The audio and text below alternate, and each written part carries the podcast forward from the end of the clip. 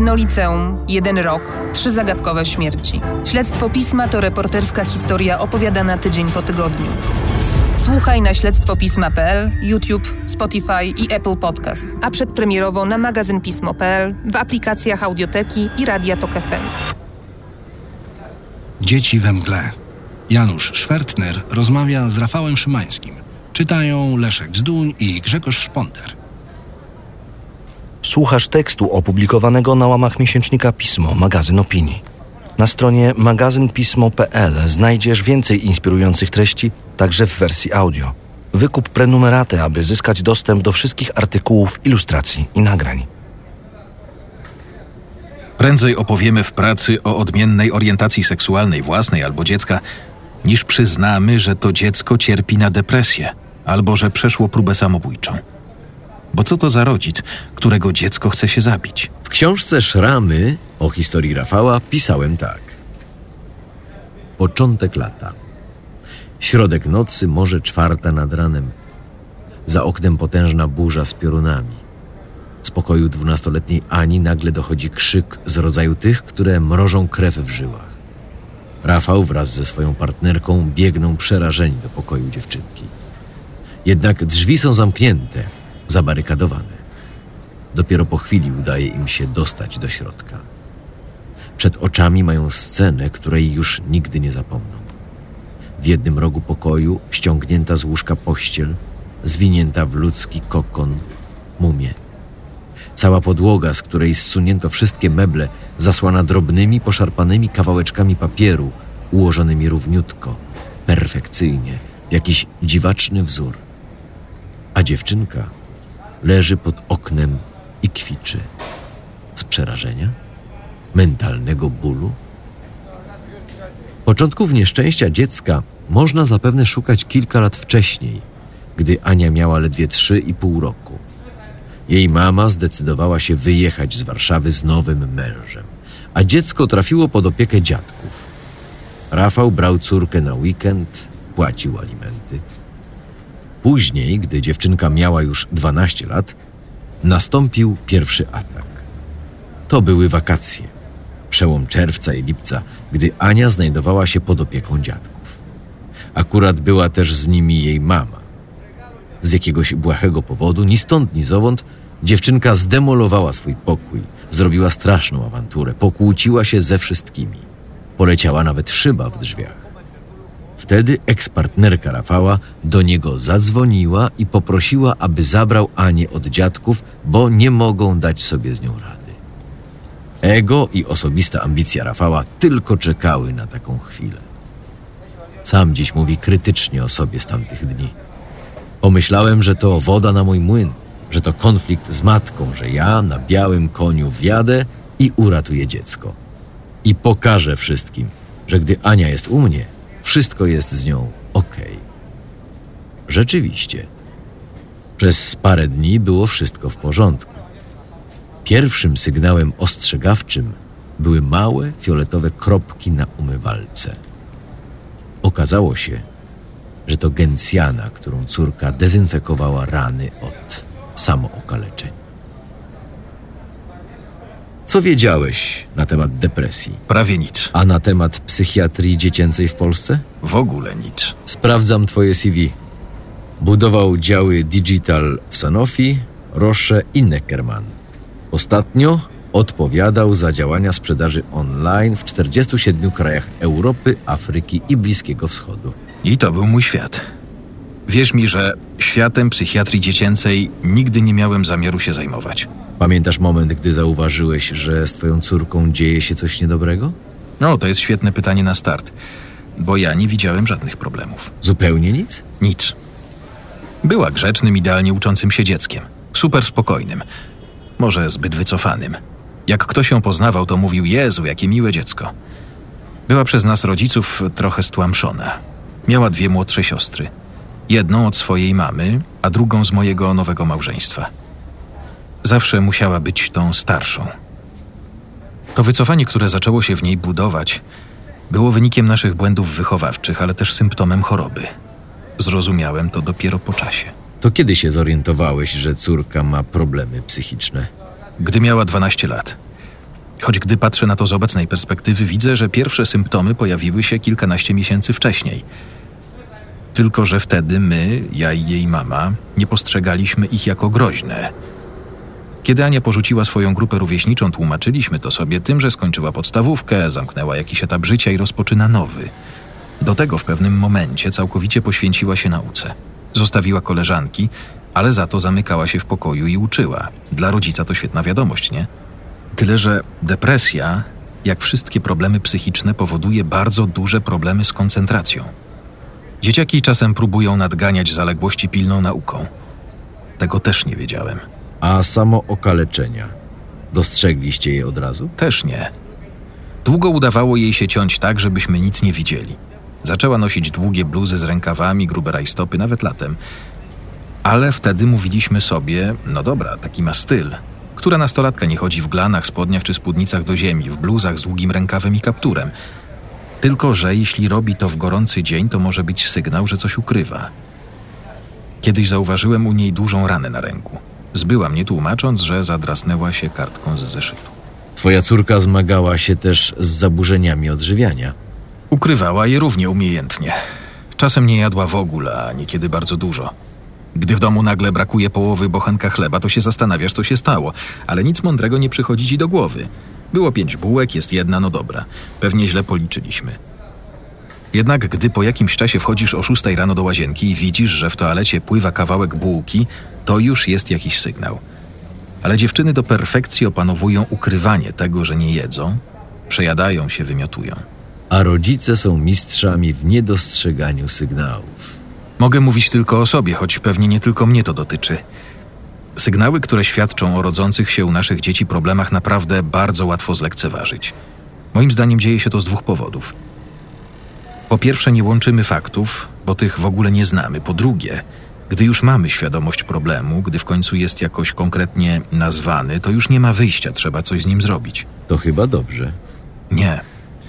Bo wtedy twoje komfortowe życie wywraca się do góry nogami. Nagle musisz działać, a nie wiesz jak. Łatwiej jest zignorować problem. Przez jakiś czas współprowadziłem z moją córką i jej koleżanką Amelią bloga Porcelanowe Aniołki, w którym poruszaliśmy temat depresji, psychiatrii i w ogóle zaburzeń psychicznych. Budując nową wersję strony, zrobiłem warsztaty i zapytałem rodziców, co jest dla nich najtrudniejsze. Wiesz, co się okazało? Najtrudniejsza jest rozmowa z dzieckiem, gdy ma się już rozpoznany problem, bo nie wiadomo od czego zacząć. To był top of the top przychodzących odpowiedzi. A ty co pamiętasz z okresu, gdy u twojej córki zaczęły się pojawiać problemy? Mam w pamięci trzy uczucia: samotność, bezradność i nadludzkie wręcz poczucie winy. Skąd się brało? Z myśli, że może mogłem zrobić coś więcej, że mamy patchworkową rodzinę, że nie miałem zbyt wiele czasu dla mojej córki.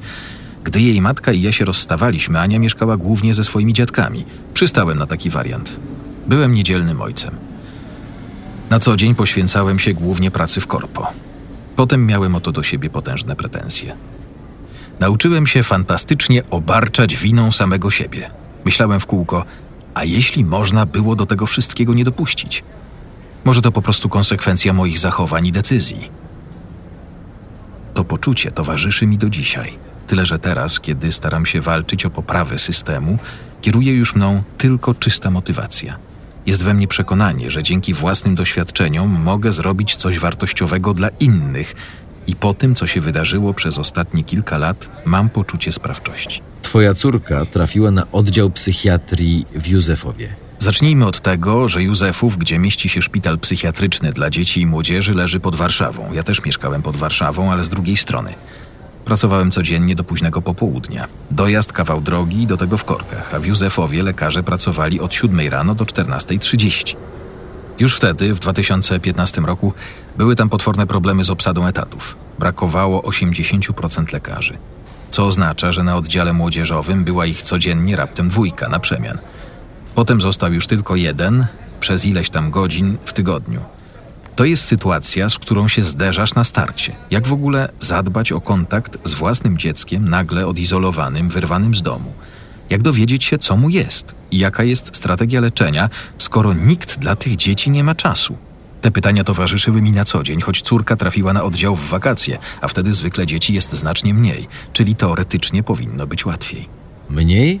Czyli? Na oddziale z 20 miejscami przebywało 36 pacjentów. Czyli prawie połowa musiała leżeć na podłodze. Polska psychiatria dziecięca w pełnej krasie. 36 małych pacjentów na 20 oficjalnych łóżek. Nad tym wszystkim panował jeden psychiatra, który pojawiał się na oddziale przez dwa dni w tygodniu. Na oddziale córki pełnił równocześnie funkcję ordynatora. Nawet gdyby spędzał po 8 godzin dziennie na konsultacjach z dziećmi, a nie robił tego, bo jako ordynator miał też na głowie inne sprawy, to i tak nie dałby rady zająć się każdym przypadkiem. Leczenie dzieci na oddziale to fikcja? Niewydolność szpitali psychiatrycznych szybko stała się osią mojego konfliktu z wieloma lekarzami. W Polsce mówiło się wtedy o tym jeszcze mniej niż dzisiaj. Kiedy zacząłem działać społecznie i walczyć o sensowne funkcjonowanie tego systemu, dostałem parę razy odpowiedź, że szpital nie służy do terapii. To tylko rodzicom się wydaje, że dziecko idzie do szpitala, żeby zostać wyleczone. Czemu więc służy szpital psychiatryczny? Według psychiatrów, nie wiem czy wszystkich, ale przynajmniej tych, z którymi miałem do czynienia, odizolowaniu dziecka od czynników zewnętrznych, które mogłyby powodować kryzys. Jeżeli dziecko ma nerwice, to umieszczamy je w szpitalu, odcinamy od środowiska szkolnego, rodzinnego i patrzymy, czy dalej ma nerwice. Jeśli ma, to znaczy, że jest chore. Jeśli nie ma, to znaczy, że choroba jest wywoływana przez sytuację zewnętrzną. Tak mi to przedstawiono. I tylko tyle można się dowiedzieć. Trzeba to zrozumieć. Dziecko w Polsce w szpitalu nie jest po to, żeby się wyleczyć, a ustabilizować. Jak wyglądał oddział psychiatrii w Józefowie? Pamiętam głównie brud, a właściwie smród. Nie było przepływu powietrza, nie było klimatyzacji. Był za to charakterystyczny odór niewietrzonych pomieszczeń na oddziale dziecięcym. Do dzisiaj mam go w pamięci. Okna zamknięte na stałe, a za nimi kraty, żeby dzieciaki nie uciekały. Mieszało się wszystko: brud, pot, szczyny, zapach niedomytych ciał, niezmienianej bielizny. I ten smród wprasowany w linoleum, nie do usunięcia bez gruntownego remontu. Rodzice, którzy zetknęli się z polską psychiatrią dziecięcą, mówią o wrażeniu całkowitego chaosu. Obaj dobrze wiemy, że to jest doświadczenie zdecydowanej większości rodziców. Przekonałem się o tym już na samym początku. Gdy odwoziłem do szpitala własne dziecko, niemal równocześnie przyjechała karetka i przywiozła jakąś dziewczynę w kaftanie po interwencji. Wraz z nią wysiadła matka. Widać było, że kobieta wsiadła do karetki tak jak stała, bo nie miała ani kurtki, ani niczego. Sanitariusze odstawili córkę, zostawili dokumenty i odjechali. Patrzę na to wszystko, a ta kobieta, może 60-letnia, pyta: Przepraszam, czy wie pan może, gdzie tu jest stacja kolejowa? I pyta, czy mógłbym jej pożyczyć komórkę, żeby mogła zadzwonić do domu. Pewnie nie była z Warszawy. Karetka przyjechała na interwencję, a kobieta była z Kaszub. Uprosiła, żeby ją zabrali razem z córką. Niestety odbili się od szpitala w Gdańsku, bo na oddziale nie było tam już żadnego wolnego miejsca. To też się regularnie zdarza. Jedziesz do szpitala z dzieckiem po próbie samobójczej. Tam odprawiają cię z kwitkiem, więc z Gdańska przyjechali do Józefowa, bo dopiero tu znaleźli miejsce. Ale już nie wolno im było wziąć w drogę powrotną matki, chociaż wracali do Gdańska. Kobieta została pod Warszawą bez pieniędzy, telefonu, kurtki, bez niczego. Jak wygląda rzeczywistość rodzica, kiedy dziecko przebywa już na oddziale? Wstawałem bladym świtem o piątej rano, żeby wyruszyć z domu przed szóstą i koło siódmej, jeszcze przed pracą, być w szpitalu i złapać lekarza. Żeby dopytać o stan mojej córki, coś popchnąć do przodu, poprosić o popołudniowe widzenie, dowiedzieć się, czy już postawiono diagnozę, czy lekarz się z nią widział. Bo oczywiście bardzo rzadko się widział. Potem jechałem do roboty i udawałem, że pracuję. Myślami byłem gdzie indziej, cały czas chodziłem nieprzytomny. Po południu, jeżeli miałem pozwolenie ze szpitala, jechałem do dziecka. Urywałem się wcześniej z roboty, żeby przed korkami wyjechać z Warszawy i być w Józefowie około czwartej po południu, bo tylko do szóstej były odwiedziny. Wtedy brałem córkę na spacer albo do jakiejś knajpy, bo na oddziale jedzenie podawali obrzydliwe. Moja córka, która cierpiała wtedy na zaburzenia odżywiania na tle psychicznym, a była też wegetarianką, zdecydowała się w końcu po trzech dniach sięgnąć po kanapkę z białą wędliną drobiową. Z głodu. Jedyny plus był taki, że szpital jest położony w pięknym miejscu na terenie Mazowieckiego Parku Krajobrazowego, chociaż pospacerować można było w fajnym otoczeniu. Spałeś czasami? Rzadko. Przez pierwsze dwa miesiące prawie w ogóle. Zwykle to była zarwana noc i wieczna gonitwa myśli. Najpierw nie możesz spać do pierwszej, więc pijesz alkohol, bierzesz tabletki, ścina cię z nóg i budzisz się o trzeciej nad ranem. Znowu z gonitwą myśli. O piątej i tak trzeba wstać i jechać. Byłem jak zombie. Schudłem kilkanaście kilogramów. To był bardzo ciemny okres w moim życiu. A teraz pomyśl sobie, co się dzieje z taką dziewczyną, którą przywieziono z interwencji z Pomorza. Przecież jej matka nie ma szans, żeby córkę odwiedzić. Nie dlatego, że nie chce, nie tylko dlatego, że to cała wyprawa, ale również dlatego, że o tym, czy w danym dniu jest możliwość odwiedzin, dowie się dopiero, kiedy przybędzie na miejsce, bo tak to wtedy funkcjonowało. W książce Rafał mówił: Był późny jesienny wieczór, początek grudnia. Kończył się już weekend, gdy córka była na przepustce w domu. Droga była długa, monotonna. Dziecko przysypiało w samochodzie na tylnym siedzeniu, ale to mnie tylko cieszyło, że uspokaja się, że zaraz będzie lepiej. Przecież oddaję ją do szpitala. Więc gdy dojeżdżamy i widzę, że jest lekko senna, jestem zupełnie spokojny. A ona jeszcze macha mi ręką na pożegnanie. Niedzielny wieczór spędzam więc normalnie, odsypiam, w sprawie ani cisza. W poniedziałek idę do pracy. Tam raniuśko odbieram telefon ze szpitala, że córka jest w śpiączce na ojomie w Otwocku. Nic z tego nie rozumiem, jak to? Dopiero co oddałem dziecko do szpitala, owszem, trochę senne, a teraz leży pod respiratorem i walczy o życie, w dodatku jest w innym szpitalu? W Józefowie twierdzą, że ona jeszcze w domu, tuż przed wyjściem do samochodu, nałykała się leków. Jakie to mogły być leki? Skąd je miała? Kiedy miałaby to zrobić? To wszystko jest do dzisiaj zagadką. Tym bardziej, że zrobiono jej badania toksykologiczne w szpitalu i wyszło, że to były leki szpitalne, bardzo silne barbiturany, w których w domu nie mieliśmy. Jak było? Nie wiem do dziś, choć kilka razy podchodziliśmy do rozmowy. Ponoć zaprowadzili ją do pokoju, położyła się spać. Rano nie mogli jej dobudzić, więc zadzwonili po karetkę. Była nieprzytomna, a tętno miała koszmarne 200-220 uderzeń serca na minutę. Przeżyła tylko dlatego, że miała młody, silny organizm. Córkę masz już dorosłą. Szczęśliwie jest u niej dużo lepiej. Czemu nadal angażujesz się w sprawę polskiej psychiatrii? Wiesz czemu? Bo kiedy pierwszy raz w życiu jedziesz do szpitala psychiatrycznego, to opowiedzenie o tym bliskim jest trudniejsze niż obwieszczenie, że ktoś z twojej rodziny ma raka. Dlaczego? Bo pojawia się stygmatyzowanie. Ciągle pokutuje u nas myślenie, że chorobę onkologiczną można wyleczyć, ale psychicznej już nie. Rak przynajmniej daje szansę, tak się myśli. Więc z jednej strony ta informacja spada na ciebie jak grom z jasnego nieba, a z drugiej orientujesz się, jak wielkie to jest tabu. To jest właśnie powód, dla którego wciąż się udzielam, chodzę i mówię, a nawet krzyczę na temat psychoterapii dziecięcej. Jako rodzic w tym syfie przeważnie zostajesz sam. Przepraszam, że znów użyję tego porównania, ale w przypadku choroby onkologicznej zazwyczaj możesz liczyć na wsparcie. Dostajesz diagnozę i opowiadasz o tym wszystkim. Bliscy i znajomi szukają lekarzy, oferują pomoc, załatwiają terapię.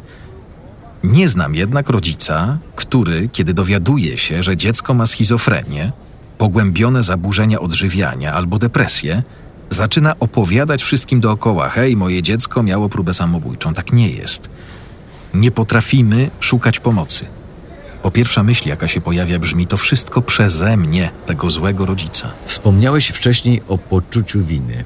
Dlatego, gdy pojawia się problem, trzeba jak najszybciej się ogarnąć i zacząć ze wszystkich sił walczyć o zdrowie dziecka, a zaraz potem trzeba zadbać o własne zdrowie. Opiekunowie dzieci z problemami psychicznymi zwykle sami cierpią na depresję. Jednocześnie wszyscy lekarze mówią, że w wyleczeniu depresji u dziecka podstawową kwestią jest zdrowie psychiczne rodzica. Przeklęte, błędne koło, z którym trzeba się zmierzyć. Dlatego powtarzam, rodzic od początku musi dbać także o siebie, szukać wsparcia. Z badań Polskiego Towarzystwa Psychiatrycznego wynika, że z depresją może zmagać się nawet 80% opiekunów dzieci z chorobami ciężkimi. Kiedy rozmawiałem z psychiatrami, próbując oszacować skalę problemu, zetknąłem się z opinią, że praktycznie każdy rodzic, który zgłasza się ze swoim dzieckiem do szpitala, sam kwalifikuje się do jakiejś formy terapii. Wynika to w dużej mierze właśnie z tego, że choroby psychiczne dzieci i młodzieży są w Polsce tematem tabu, a każde tabu wywołuje poczucie wstydu. To jest ostatnia rzecz, o której moglibyśmy opowiedzieć w pracy. Wydaje mi się, że już prędzej opowiemy o odmiennej orientacji seksualnej własnej albo swojego dziecka, niż przyznamy, że cierpi ono na depresję, czy że przeszło próbę samobójczą. Powiedziałeś w pracy? Jak już nie było innego wyjścia, to tak. Zwyczajnie przestałem wyrabiać, ale wcześniej się bałem. Wstydziłem. Pracowałem w dużej warszawskiej korporacji. W końcu zapytałem szefową, czy mam wziąć zwolnienie lekarskie. Z jednej strony martwiłem się o córkę, z drugiej zacząłem myśleć, wezmę L4 i kto wtedy poprowadzi za mnie projekty? Co się ze mną stanie? Ja się martwiłem, a moja szefowa rzuciła tylko, że wszystko rozumie i żebym poświęcił się w takim stopniu, w jakim mogę. W końcu coś pozytywnego w tej historii. Nie, bo wszystko okazało się kłamstwem. Mój pracodawca, choć chwalił się plakietką najlepszy pracodawca roku, miejsce przyjazne pracownikom i tak jednak nie stanął na wysokości zadania. Któregoś dnia woła mnie szefowa i mówi: Rafał, masz złą ocenę roczną za wyniki. W Polsce jesteś źle oceniany.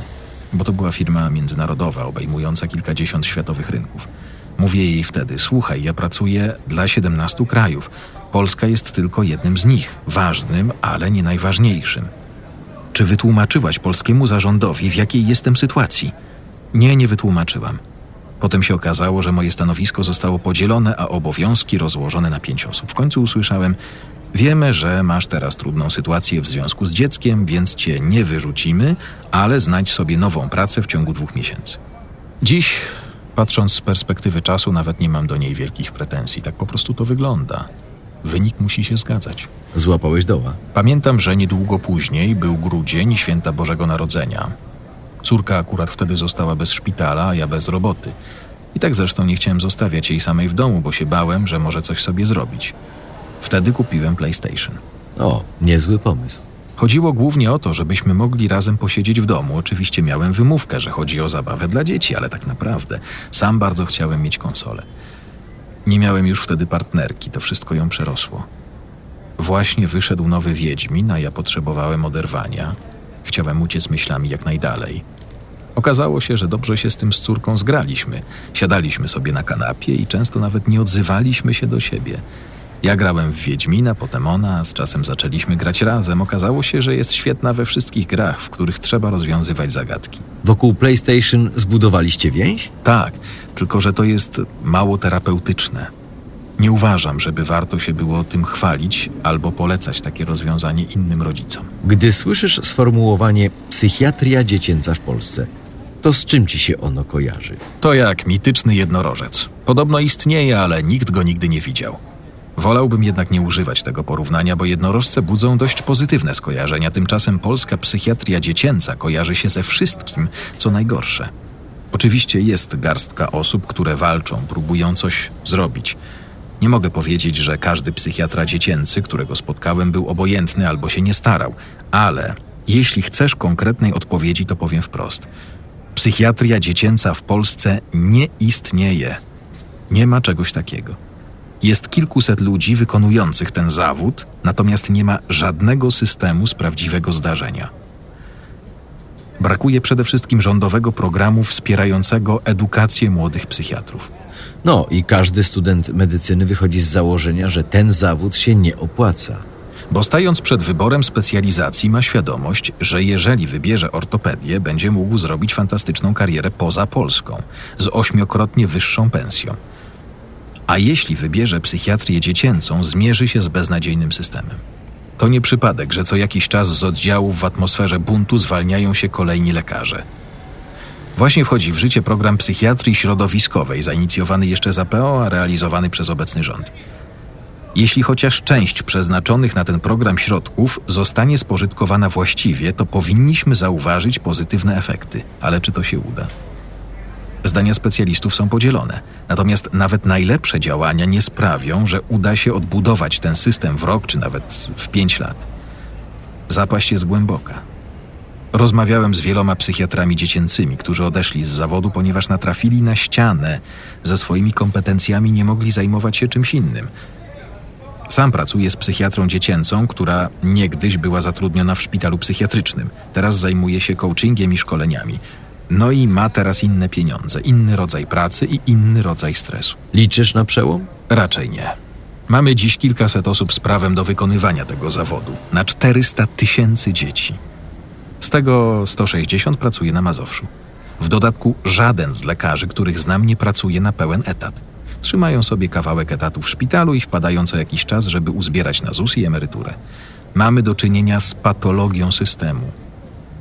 Jednocześnie prywatne wizyty są potwornie drogie i wielu rodziców na nie zwyczajnie nie stać.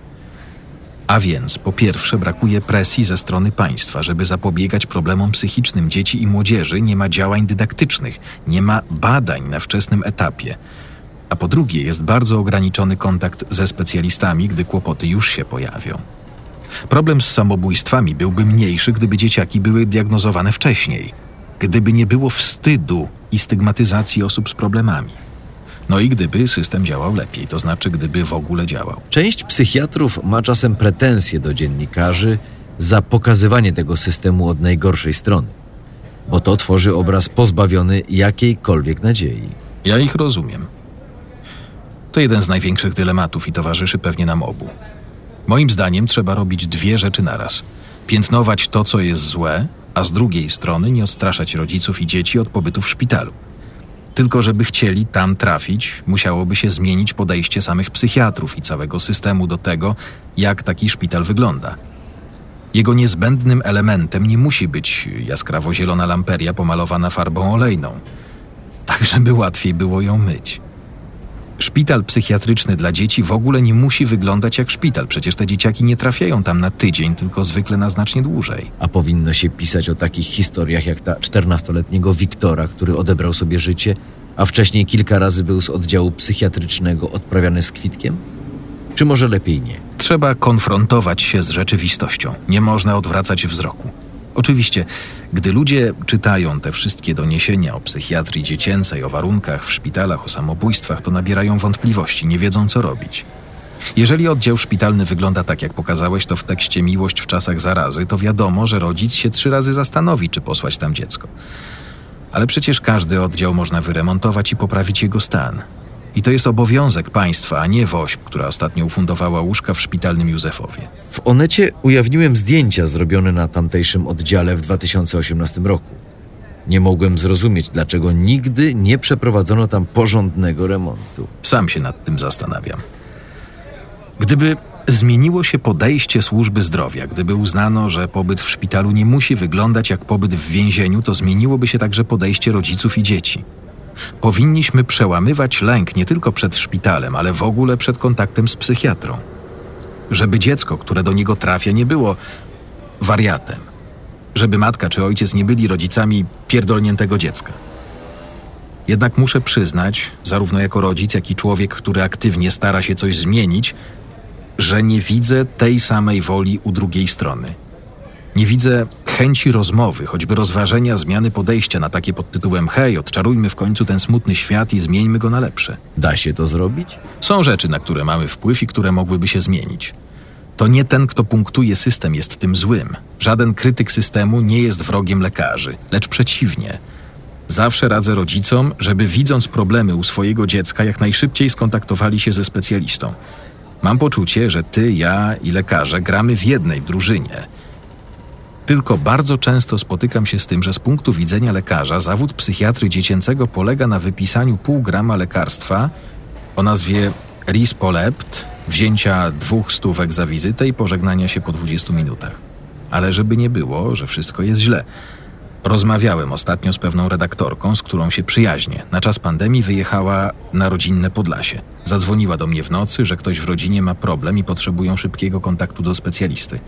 Spytała, czy znam psychiatrę z Podlasia. Ja wiem, że na Podlasiu jest ich czterech. Y, Poczekaj, niech to wybrzmi. Na Podlasiu jest czterech psychiatrów dziecięcych. Znam ich wszystkich z nazwiska. Z powodu pandemii lekarze zostali zmuszeni do przejścia na konsultacje online, co często ułatwia postawienie wstępnej diagnozy i podjęcie terapii. To paradoks. Pandemia zniszczyła dotychczasowy porządek świata, ale pewne sprawy ułatwiła. Teraz rodzic z mniejszej miejscowości nie musi brać urlopu, tłumaczyć się w pracy, czemu zwalnia się na cały dzień, nie musi jechać kilkudziesięciu albo kilkuset kilometrów do lekarza. Po prostu zapisuje dziecko na wizytę online. To jest naprawdę dobra rzecz. Gdy pojawiają się artykuły o samobójstwach dzieci i statystyki, że w Polsce młodzież odbiera sobie życia częściej niż w innych krajach, zawsze wszyscy jesteśmy poruszeni, ale tylko przez moment. System nadal leży. Z czego to wynika? Wydaje mi się, że tutaj nakłada się parę czynników. Nie ma zachęty do społecznej debaty, nie ma presji z góry. Jedyne momenty, gdy ten temat przebija się do polityków, to są momenty tragedii. Nie mówimy o tym jako o problemie systemowym, który dotyka nas każdego dnia. A skoro według dostępnych danych 25% dzieci ma problemy psychiczne, w tym nerwice i różne lżejsze zaburzenia, to oznacza, że w każdej 30-osobowej klasie jest kilkoro dzieci z problemami. Boję się, że pandemia mogła tę sytuację jeszcze pogorszyć. Obserwuję to u mojej średniej córki, która do tej pory była bardzo stabilną osobą, a teraz widzę, że jest potwornie zmęczona, znerwicowana. Ma zaburzenia snu, różne lęki związane ze szkołą. Jesień w Polsce może być w tym roku szczególnie trudna. Nagłaśnianie pojedynczych spraw, robienie materiałów prasowych o samobójstwach może coś zmienić? Czy to tylko szukanie sensacji? Rodzice muszą wiedzieć, że bywa różnie. Ich dramaty mogą zostać perfidnie wykorzystane. Nie wszystkie media potrafią i chcą mówić o tym w sposób, który przybliży systemowy problem. Sam kilka razy zostałem zmanipulowany, nakłoniony przez media do opowiedzenia mojej historii. Ostatecznie była tak pocięta i tak wyjęta z kontekstu, że służyła już tylko temu, by politycznie zaatakować konkretny rząd. Nieraz chodzi o wywołanie chwilowych emocji, nikt nie chce sięgnąć głębiej, bo to mało przyjemne, niewygodne, no i wymagające dalszej pracy nad poprawą systemu. W pewnym momencie sam poszedłeś ze swoją historią w świat. Najpierw prowadziliście bloga, później stałeś się autorem głośnego wystąpienia na konferencji TEDx. Opowiadałeś o depresji, o waszej walce z systemem. Wyjście z tym do ludzi było jedną z najtrudniejszych decyzji w moim życiu. Tamto wystąpienie do dzisiaj wywołuje reakcję, ciągle dostaję wiadomości. Kiedy na początku ktoś podszedł do mnie na ulicy i powiedział, że widział moje wystąpienie, byłem w szoku. A więc można odczarować to tabu, można o depresji rozmawiać bez wstydu. Dodało ci to sił? Takie chwile mnie napędzają, dają poczucie sensu. Jeżeli dostaję na skrzynkę mailową wiadomość, że dzięki naszym wpisom na blogu albo dzięki występowi na TEDx ktoś poszedł do lekarza lub umieścił dziecko w szpitalu, to jest radość. Bo dzieje się coś konkretnego, namacalnego. Dlatego też tak bardzo chcę mówić o tym głośno i przygotowywać rodziców na to, co może się wydarzyć w ich życiu. Opowiadać, jak przygotować się do pobytu w szpitalu, czym jest farmakoterapia w chorobach dzieci, jakie są skutki uboczne. Liczysz, że wkrótce dołączą do ciebie kolejne osoby? Przede wszystkim już teraz nie jestem sam. Od kilku lat tworzy się grupa ludzi, którzy chcą coś zmienić. Mówimy, Polska jest na drugim miejscu w Europie pod względem liczby samobójstw dzieci. Codziennie młode osoby w naszym kraju próbują odebrać sobie życie. Pokazujemy dane, przedstawiamy konkretne historie. Mam nadzieję, że nasze grono będzie się poszerzać i że w końcu usłyszą nas politycy. Bo jeśli chodzi o dobroczynność, to mamy od kogo się uczyć. W Polsce pomaganie innym to już cecha narodowa, naprawdę. I nie mówię tylko o Jurku Owsiaku. Mamy takich osób zdecydowanie więcej. Jak już się w to wejdzie, pomoże się jednej, drugiej czy trzeciej osobie, to trzeba to robić dalej. Trudno byłoby mi nagle powiedzieć: Swoją sprawę już załatwiłem, chcę zapomnieć, a wy radźcie sobie sami. Nie potrafię tak. Miałem dreszcze, gdy słuchałem twojego wystąpienia na TEDx. Ludzi to bardzo poruszyło. Zobaczyli faceta, który mówi o kłopotach córki i swoich własnych, pokazuje twarz, nie chowa się, nie kryguje, tylko mówi o tym wprost. Może też cię ruszyło to, że ktoś przełamał barierę wstydu. Jeśli potrzebujesz wsparcia lub znasz kogoś, kto go potrzebuje, sięgnij po pomoc. Telefoniczne Centrum Wsparcia 800 70 22 22. Numer bezpłatny, czynny całą dobę. Telefon zaufania dla dzieci i młodzieży 116 111. Numer bezpłatny, czynny całą dobę. Ogólnopolski telefon dla ofiar przemocy w rodzinie Niebieska Linia 800 12 0002. Numer bezpłatny, czynny całą dobę. Ogólnopolski telefon zaufania dla osób LGBT 22 628 52 22. Dostępny od poniedziałku do piątku w godzinach 18-21. Fragmenty pochodzą z książki Szramy, która ukazała się 16 września 2020 roku. Rozmowa ukazała się w 34. numerze miesięcznika Pismo, magazyn opinii. Czytali Grzegorz Szponder i Leszek Zduń. Jedno liceum, jeden rok, trzy zagadkowe śmierci. Śledztwo pisma to reporterska historia opowiadana tydzień po tygodniu.